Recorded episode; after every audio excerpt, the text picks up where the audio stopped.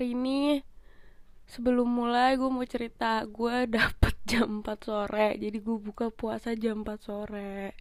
Ya amplop jujur sedih banget. Soalnya gantinya nggak bisa cuma dua jam.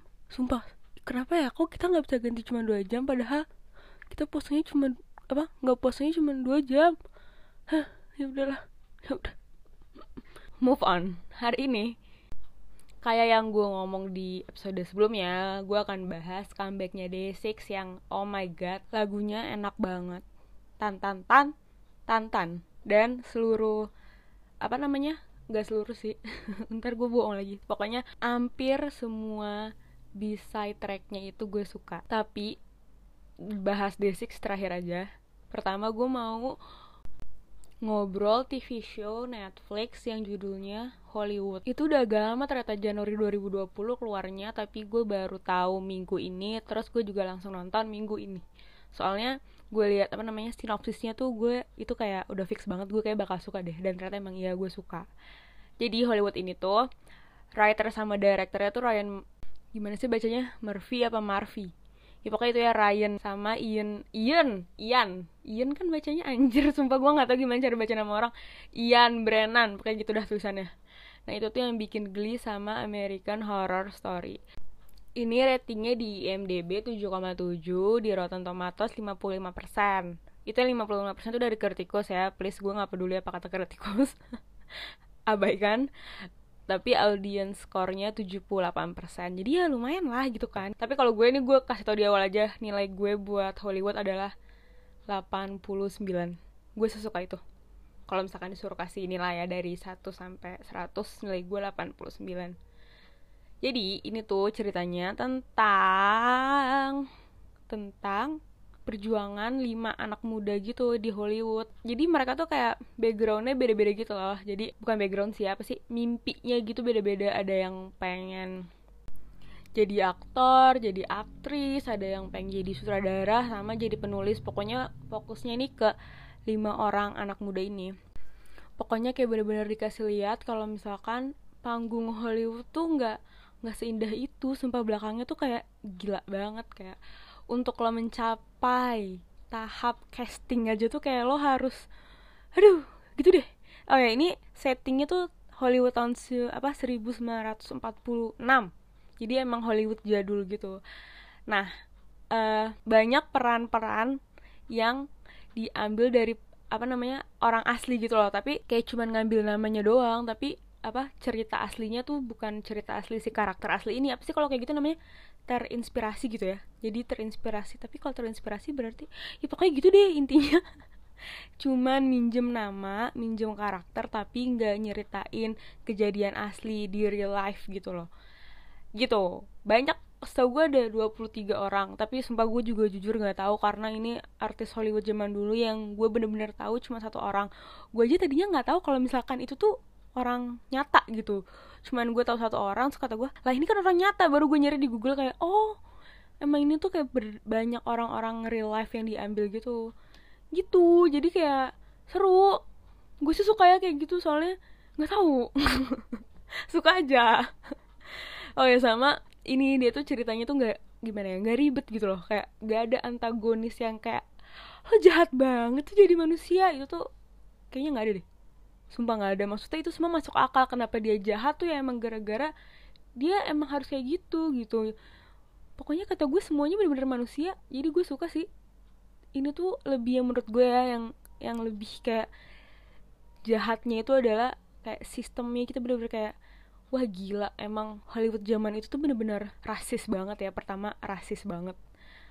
Terus aduh rasis deh.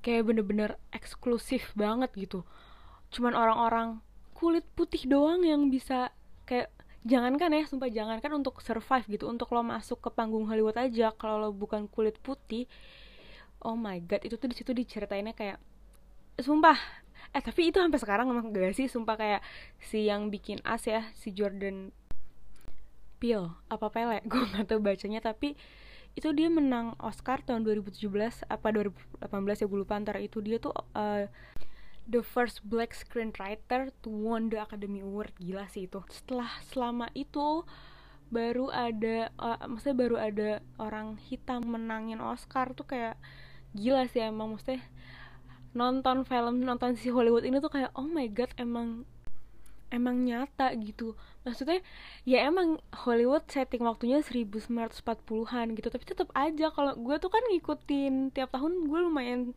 nonton Oscar tuh gue nonton semuanya gitu. Gue nonton speechnya dan mereka tuh nggak pernah sama sekali ya nggak ngebahas tentang masalah kurangnya inklusivitas di Hollywood. Kayak selalu aja tiap tahun tuh masalah itu kayak dibahas lagi dibahas lagi. Berarti kan emang kayak tetep aja Hollywood tuh masih eksklusif kali ya. Gue nggak tahu sih tapi dari speech speech yang gue lihat ya masih kayak gitu. Sama ini sih oh ya ini tuh sebenarnya banyak sih maksudnya hal-hal kayak gitu yang dibahas ya selain rasis selain rasisme uh, LGBTQ juga di sini dibahas sama sexual assault gitu sumpah. Kayak cerita tentang kalau misalkan lo mau casting atau mau apa atau lo mau masuk Hollywood itu tuh yang namanya lo ngasih tanda kutip sesuatu ke produser itu adalah hal yang wajar banget. Malah nggak dikit yang lo dipaksa dan lo ya udah harus. Masalahnya tuh itu tuh nggak cuma ada di film itu tuh beneran ada di kehidupan nyata ya kan? Kalian tau gak sih yang kasusnya Harry Davidson 2017 si produser kelas atas anjir yang udah menang Academy Award bikin Pulp Fiction, Lord of the Ring gitu kan yang ternyata dia tuh adalah predator. Kayak setiap dia nge-cast artis ya udah artisnya harus tanda kutip melakukan sesuatu dan nggak ke nggak ke maksudnya orangnya tuh banyak gitu yang bener-bener akhirnya speak up itu puluhan orang ya setahu gue. Jadi tuh bener-bener kayak wah gila sih. Maksudnya gila mereka baru speak up tahun 2017 itu tuh hal yang crazy. Karena either mereka nggak tau takut atau emang di sana dianggap wajar kayak gitu kayak ya kalau mau survive lah ya lo harus kasih itu gitu pokoknya coba deh nonton sumpah menurut gue bagus banget.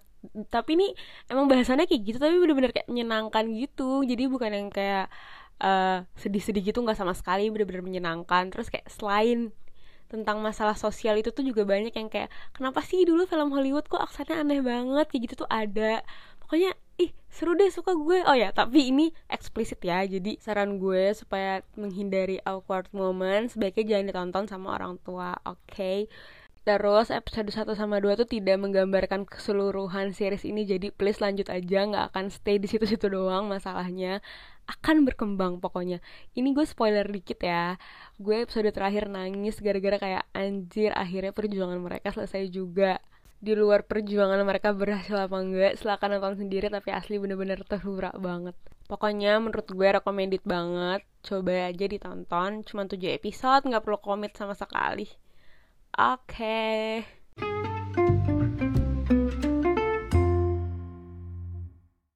sekarang saatnya kita ngomongin Day6 jadi kalau misalkan masih ada yang nggak tahu Day6 ya sumpah pertama udah pasti lo bukan temen gue kedua ya udah nggak apa-apa gue kasih tahu. Jadi Day6 itu adalah band asal Korea Selatan ya genrenya kalau misalkan gue lihat di wiki itu pop rock alternatif rock pop punk power pop. Terus anggotanya ada lima uh, gitaris akustik gitaris elektrik basis keyboard sama drummer. Semuanya eh empat orang nyanyi kecuali drummer. Tapi drummernya suka sekarang dikasih part-part sedikit gitu. Jadi tiap album sekarang drummernya juga ada part dia nyanyi. Jadi anggap aja semuanya nyanyi oke? Okay? jadi mereka comeback dengan mini album judulnya The Book of Us The Demand. Ada 8 lagu dengan title songnya namanya Zombie. Nah yang gue suka dari Day6 uh, banyak. Salah satunya adalah liriknya. Mereka tuh liriknya lebih kayak cerita gitu dibanding kayak puisi. Maksudnya ada kan lirik yang kayak cantik gitu. Kalau Day6 tuh kalau gue baca translatean liriknya tuh kayak ya udah cerita gitu. Jadi gue emang lebih suka yang kayak gitu. Emang itu preferensi sih. Tapi ya udah jadi gue suka Day6 gara-gara itu. Kayak Taylor Swift aja gue juga suka Taylor Swift gara-gara itu liriknya gak ribet gitu kan kayak sekali baca langsung ngerti begitu. Nah, jadi hari ini gue akan ngobrolin tentang part-part yang gue suka sama penafsiran gue terhadap milik mereka gitu. Jadi kayak uh, menurut gue lagu ini tentang ini gitu. Ini menurut gue sih semuanya menurut gue ya. Maksudnya kalau misalkan ada yang menurut mereka ntar gue kasih tahu tapi mereka uh, nggak menjelaskan per lagu gitu kayak kerajinan banget kan. Jadi ya udah ini kayak fix menurut gue doang gitu. Tapi ntar kalau misalkan emang ada lagu yang mereka jelasin kalau misalkan ini tuh lagunya um, mereka tuh maknanya ini ntar gue kasih tahu. Tapi kayaknya cuman dua lagu deh yang mereka secara spesifik gitu ya. Sisanya kayak terserah pendengar mau mengartikan apa. Begitu. Oke kita mulai ya dari lagu pertama. Lagu pertama judulnya Day and Night yang nulis liriknya uh, basisnya namanya Kang Braya uh, Yongke mereka satu orang ya jadi ntar kalau gue ketuker-tuker uh, maksudnya itu satu orang oke? Okay? Kang Brian atau Yongke dia yang buat liriknya si Day and Night ini. Kita dengerin dulu ini part favorit gue. Gue pasang dulu ya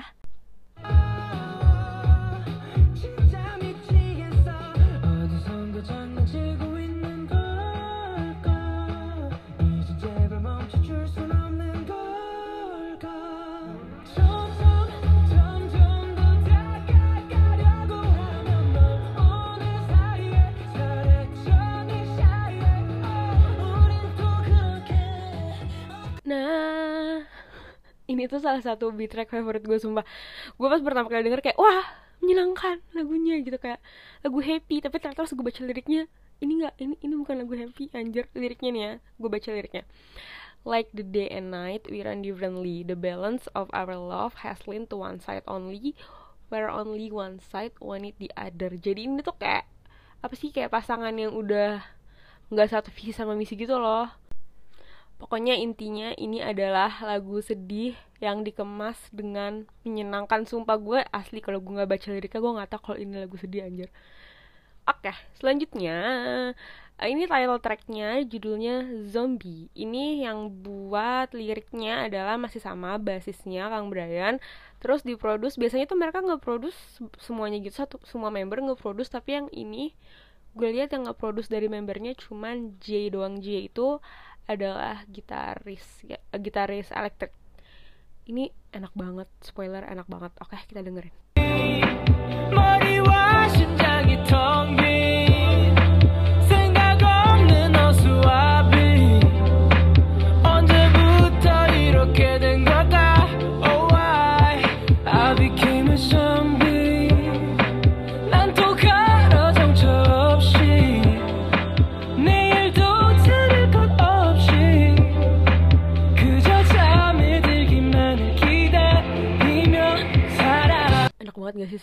sumpah.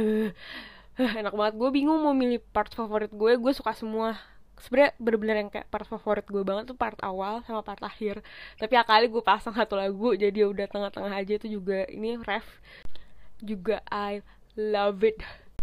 Ini tuh tentang tentang ya itu orang yang capek sama rutinitasnya. Kayak udah lelah banget tapi kayak di satu sisi semua manusia butuh makan butuh hidup. Jadi mau gak mau tetap harus jalanin rutinitasnya sampai ngerasa kayak aduh ini tuh gue udah bukan manusia gitu maksud lagunya. Sumpah udah deh uh, tanpa ngerti artinya itu juga dari lagunya udah kayak oh my god mereka lelah gitu. Maksudnya dari apa sih sebutannya? Gue gue gak ngerti banget dah dari nadanya melodinya vibesnya. Semuanya pokoknya kayak kerasa banget gue lelah. Oke selanjutnya Judul lagunya, lagu ketiga judulnya TikTok. Ini liriknya ditulis sama Yongke dan Jay, basis dan gitaris. Ini juga lagunya gue suka. Aduh, suka semua anjir. Nggak, nggak, nggak, nggak semua, nggak semua, bohong-bohong. Oke, kita dengerin dulu ya.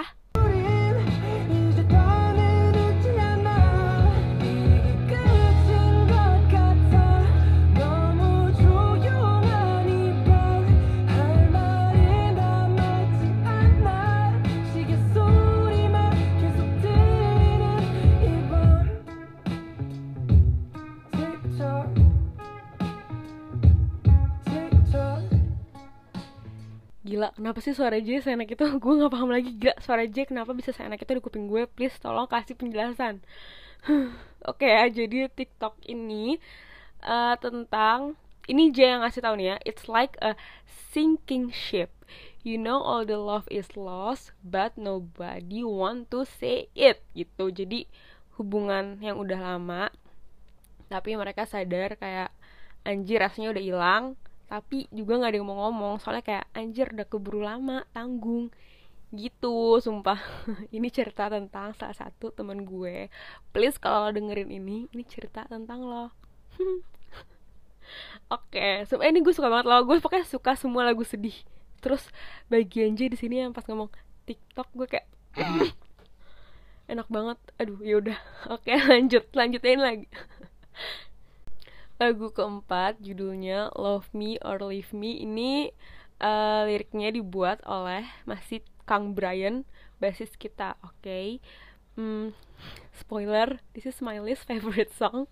Kita dengerin dulu ya. ya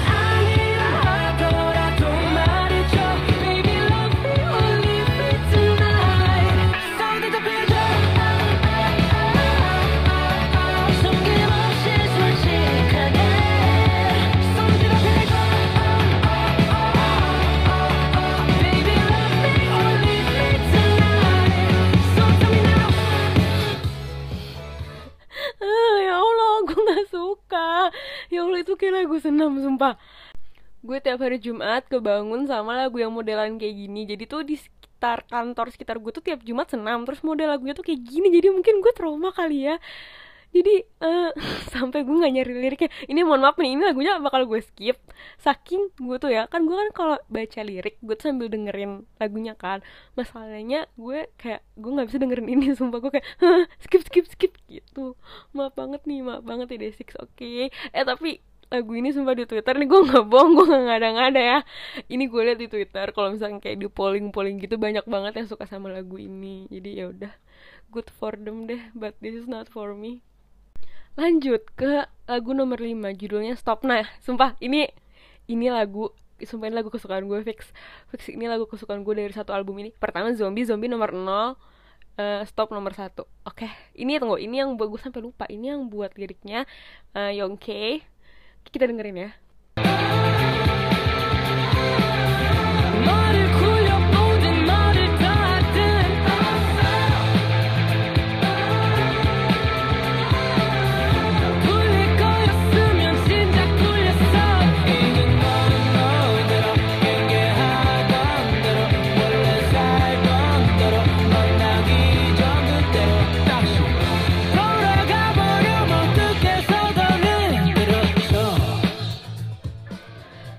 gue suka banget Sumpah. Sumpah ini udah fix Gue suka banget dari uh, eh, 10 detik pertama. Mau dengerin gak 10 detik pertama? Please dengerin ya Dengerin 10 detik pertama Bentar.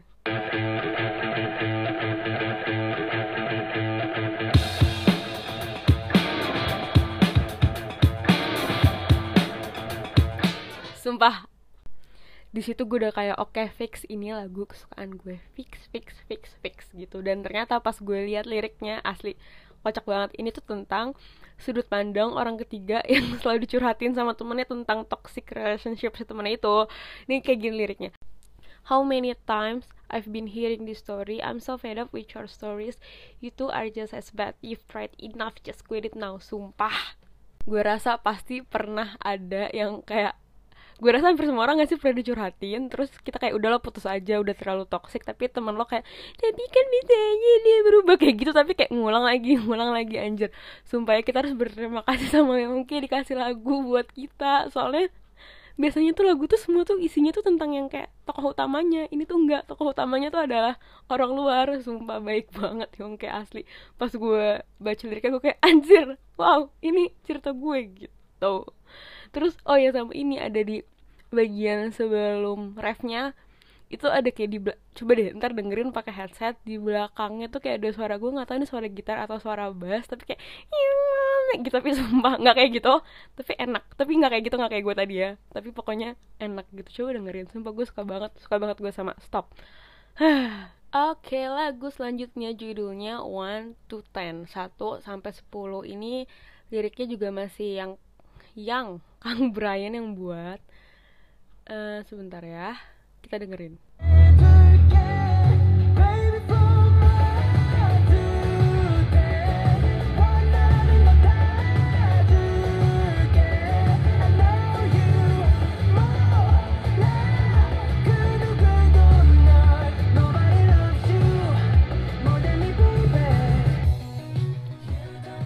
gue asli ini mah lagunya tentang lagu bucin sumpah liriknya tuh kayak oh my god you are so bucin gitu. Tapi pas gue baca lirik apa wawancara Kang Brian dia bilang ini tuh lagunya bukan tentang itu tapi tentang kayak cinta bertepuk sebelah tangan. Tapi asli kagak ada bertepuk sebelah tangan bertepuk sebelah tangannya anjir.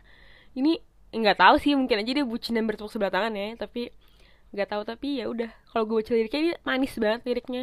Intinya kayak I will give you everything for one to ten kayak gitulah sumpah kalau lagu happy dan lagu lagu bucin desik gue kayak nggak ada komen lebih gitu. Kayak ya udah good for you gitu. Gue sukanya lagu sedih jadi ya udah ya kita next aja ya.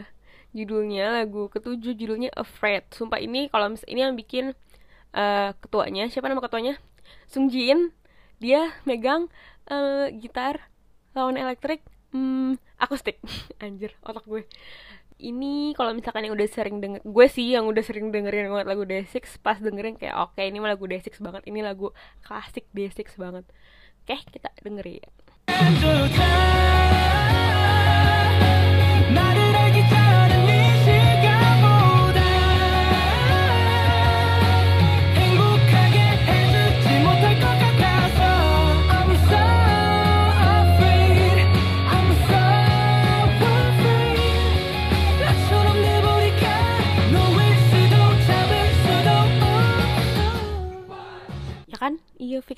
D6 banget sumpah.